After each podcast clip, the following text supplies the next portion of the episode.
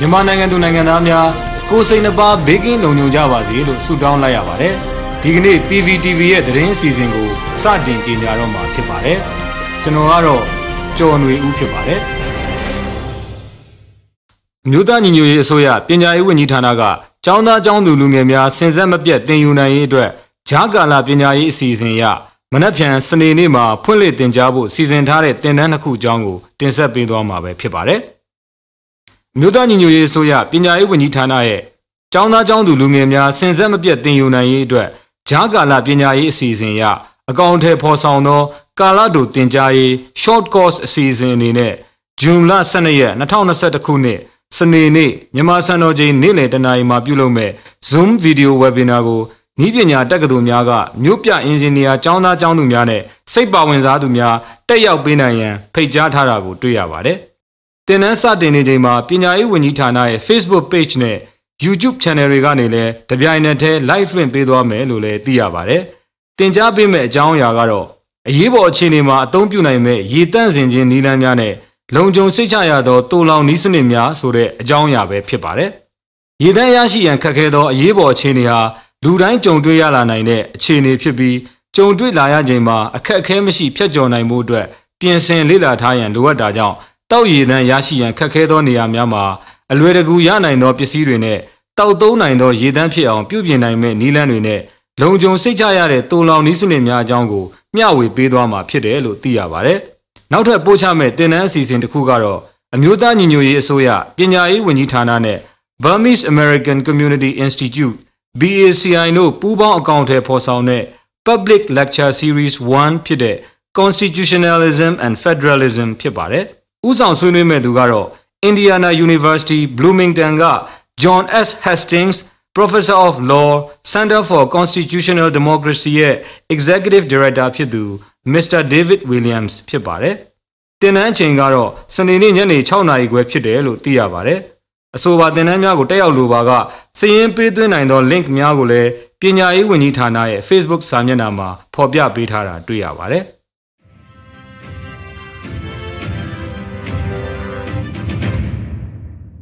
အမျိုးသားညီညွတ်ရေးအစိုးရလူသားချင်းစာနာထောက်ထားရေးနှင့်ဘေးအန္တရာယ်ဆိုင်ရာစီမံခန့်ခွဲရေးဝန်ကြီးဌာနက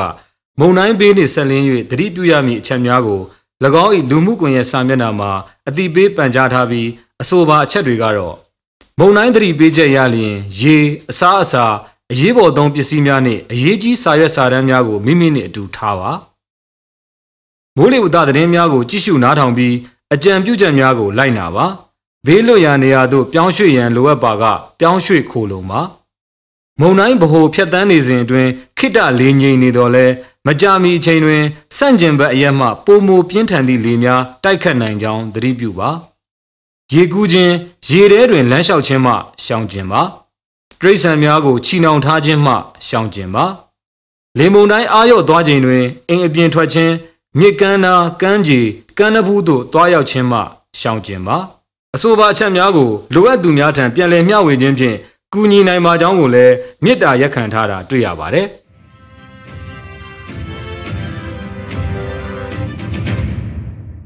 ယနေ့ဂျပန်နိုင်ငံ၏17ကြိမ်မြောက်အထက်လွှတ်တော်အစည်းအဝေးတွင်ဖေဖော်ဝါရီ၁ရက်နေ့ကမြန်မာနိုင်ငံတွင်စစ်တပ်၏အာဏာသိမ်းမှုကိုပြစ်တင်ရှုတ်ချကြောင်းနှင့်ဒီမိုကရေစီနိုင်ငံရေးစနစ်အားစောစည်းစွာပြန်လည်ထူထောင်ရေးကိုတညီတညွတ်ထဲဆုံးဖြတ်ချက်ချမှတ်ခဲ့ကြတယ်လို့သိရပါတယ်။အစည်းအဝေးတွင်အဆိုကိုမြမဒီမိုကရေစီအရေးအားပေးသောလွှတ်တော်အမတ်တမကအတွင်ရင်မူ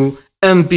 အရှိဘာရှိမီချီဟီရိုကတင်သွင်းခဲ့တာဖြစ်ပြီးကြံလွှတ်တော်ကိုယ်စားလှယ်များကထောက်ခံဆွေးနွေးအတည်ပြုခဲ့ကြတာဖြစ်ပါတယ်။ ပြီးခဲ့တဲ့ဇွန်လ10ရက်နေ့ကကျင်းပတဲ့ဂျပန်အောက်လွှတ်တော်မျက်နှာစုံကြီးအစည်းအဝေးမှာလည်းစစ်တပ်ရဲ့အာဏာသိမ်းမှုကိုပြစ်တင်ရှုတ်ချတဲ့ဆုံးဖြတ်ချက်ကိုအတည်ပြုခဲ့ကြပါသေးတယ်။ဂျပန်နိုင်ငံအနေနဲ့မြန်မာစစ်အုပ်စုရဲ့လုပ်ရက်ကိုစန့်ကျင်တယ်ဆိုတာလာမယ့်တောက်ကြနေကစပြီး၃ရက်ကြာဗြိတိန်မှာကျင်းပမဲ့ G7 ထိပ်သီးအစည်းအဝေးမတိုင်မီပြသဖို့ရည်ရွယ်တယ်ဆိုတာကိုအခုဆုံးဖြတ်ချက်တွေကရောင်ပြန်ဟပ်နေပါတယ်။အဲ့ဒီဆုံးဖြတ်ချက်ထဲမှာစစ်တပ်အာဏာသိမ်းမှုကို ဒီမိုကရေစီပြုပြင်ပြောင်းလဲရေးအတွက်ကြိုးပမ်းမှုတွေနဲ့မျှော်လင့်ချက်တွေကိုထိခိုက်ပြက်ပြားအောင်လှုံ့ဆော်လိုက်တာပဲလို့ဖော်ပြထားပြီးဂျပန်နိုင်ငံအနေနဲ့မြန်မာနိုင်ငံမှာဒီမိုကရေစီပြန်လည်ထွန်းကားရေးအတွက်တန်တမာရေးနည်းလမ်းများနဲ့အစွမ်းကုန်စ조사သွားမည်ဖြစ်တယ်လို့သတင်းတွေမှာဖော်ပြထားတာကိုတွေ့ရပါတယ်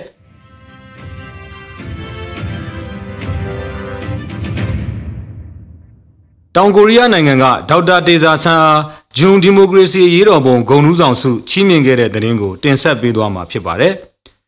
တောင်ကိုရီးယားနိုင်ငံဟာမြမချီကွေဗာရာလို့ဂုဏ်ပြုခေါ်ဆိုခြင်းခံရတဲ့ຫນွေဦးတော်လန်ရေးသူရဲကောင်းဒေါက်တာတေဇာဆန်းကိုဂျွန်ဒီမိုကရေစီရေးတော်ပုံရဲ့ဂုဏ်ထူးဆောင်ဆုအားချီးမြှင့်လိုက်တယ်လို့သိရပါတယ်။မနေ့ကကြောက်တဲ့တောင်ကိုရီးယားနိုင်ငံ34နှစ်မြောက်ဂျွန်10ဒီမိုကရေစီတော်လှန်ရေးနှစ်ပတ်လည်နေ့မှာအဆိုပါဆုကိုချီးမြှင့်ခဲ့ခြင်းဖြစ်ပြီးဆုချီးမြှင့်တဲ့ဂွမ်ဂျူးဂျူနန်နှစ်ပတ်လည်ပွဲကျင်းပရေးကော်မတီကကိုတေသာဆန်းဟာအာနာသိမ့်မြန်မာစစ်တပ်ရဲ့ဖိနှိပ်မှုကိုအန်တုက မြန်မာဒီမိုကရေစီနှင့်ပြည်သူများ၏လူအခွင့်အရေးကိုအကာအကွယ်ပေးနိုင်ရန်အတွက်တက်ဆွန့်ကြိုးပမ်းခဲ့ပြီးကိုရီးယားအပါအဝင် အာရှဒီမိုကရေစီအင်အားစုများနဲ့ပူးပေါင်းကာလူသားတို့ရဲ့အခြေခံအခွင့်အရေးနဲ့တန်ဖိုးဖြစ်သောဒီမိုကရေစီစနစ်တိုးတက်ရေးတွင်ကြိုးပမ်းအားထုတ်ခဲ့တာကြောင့်အဆိုပါဆုကိုချီးမြှင့်ခြင်းဖြစ်ကြောင်းကြေညာခဲ့ပါတယ်။ဂျွန်ဒီမိုကရေစီဂုဏ်ထူးဆောင်ဆုကိုကိုတေဇာဆန်းကိုစားကိုဇော်မိုးအောင်ဥက္ကဋ္ဌကိုရီးယားမြန်မာပူးတွဲလှုပ်ဆောင်ရေးအဖွဲ့ကလက်ခံရယူခဲ့ပြီး မြန်မာပြည်တွင်းကပို့ပေးလာတဲ့ကိုတေဇာဆန်းရဲ့ကျေးဇူးတင်စကားကိုဖတ်ကြားခဲ့ပါတယ်။ဂျွန်30ဒီမိုကရေစီတော်လှန်ရေးဆိုတာဟာလွန်ခဲ့တဲ့1989ဂျွန်လ9ရက်နေ့ဒီမိုကရေစီရေးတောင်းဆိုဆန္ဒပြပွဲတွင် အာနာရှင်သမရဂျွန်ဒူးဟန်ရဲ့လက်ပါစီများလက်ချက်ကြောင့်ယွန်ဆဲတက္ကသိုလ်ကျောင်းသားအီဟန်ယောကြဆုံးခဲ့ရမှစတင်ကလူထုတရက်လုံးပါဝင်လာပြီးနိုင်ငံလုံးအနှံ့ဆန္ဒပြပွဲအတွင်သို့ကူးပြောင်းခဲ့သောတမိုင်းဝင်ဒီမိုကရေစီတော်လှန်ရေးနေ့ဖြစ်ပါတယ်။ လေးစားရတဲ့ကိုရီးယားပြည်သူများခင်ဗျာကျွန်တော်ကတော့ဒေတာဆန်းဖြစ်ပါတယ်ခင်ဗျာအဲဒီကျွန်တော်တို့2021မြန်မာຫນွေဦးလူထုအရေးတော်ပုံကြီးမှာနော်ဒီပြည်သူတယောက်အနေနဲ့ကြာရကဏ္ဍကနေပြီးတော့တော့ဒီဆောင်ရွက်နေတဲ့သူတယောက်ဖြစ်ပါတယ်အဲ့တော့ဒီနေ့ကျွန်တော်တို့ဒီသိရတာပေါ့နော်ဒီကိုရီးယားပြည်သူနဲ့ဒီကိုရီးယားရောက်နော်ဒီမြန်မာအတိုင်းဝိုင်းတွေအားလုံးပေါ့နော်ကျွန်တော်တို့ဒီ 1980ခုဂျွန်လပေါ့နော်ဒီကိုရီးယားနိုင်ငံမှာစစ်အစိုးရကိုနော်စန့်ကျင်တွန်းလှန်ခဲ့တဲ့ဒီလူထုလှုပ်ရှားမှုကြီးအထိမ်းအမှတ်ဖြစ်ဒီဆောင်ရွက်ကျင်းပတဲ့ဒီအခမ်းအနားမှာအခုလိုပါဝင်စကားပြောခွင့်ရတဲ့အတွက်လည်းကိုရီးယားပြည်သူလူထုအားလုံးကိုကျေးဇူးအများကြီးတင်ပါတယ်ခင်ဗျ။နောက်ကျွန်တော်ဒီကြားသိရတာပေါ့နော်ဒီကိုရီးယားပြည်သူတွေကဒီကျွန်တော်ကိုဒါနဲ့ပတ်သက်ပြီးတော့ပေါ့နော်ဒီအာနာရှင်စနစ်ဆန့်ကျင်ရေးမြန်မာຫນွေဦးတော်လှန်ရေးအတွက်ပေါ့နော်ဒီအတိမတ်ပြု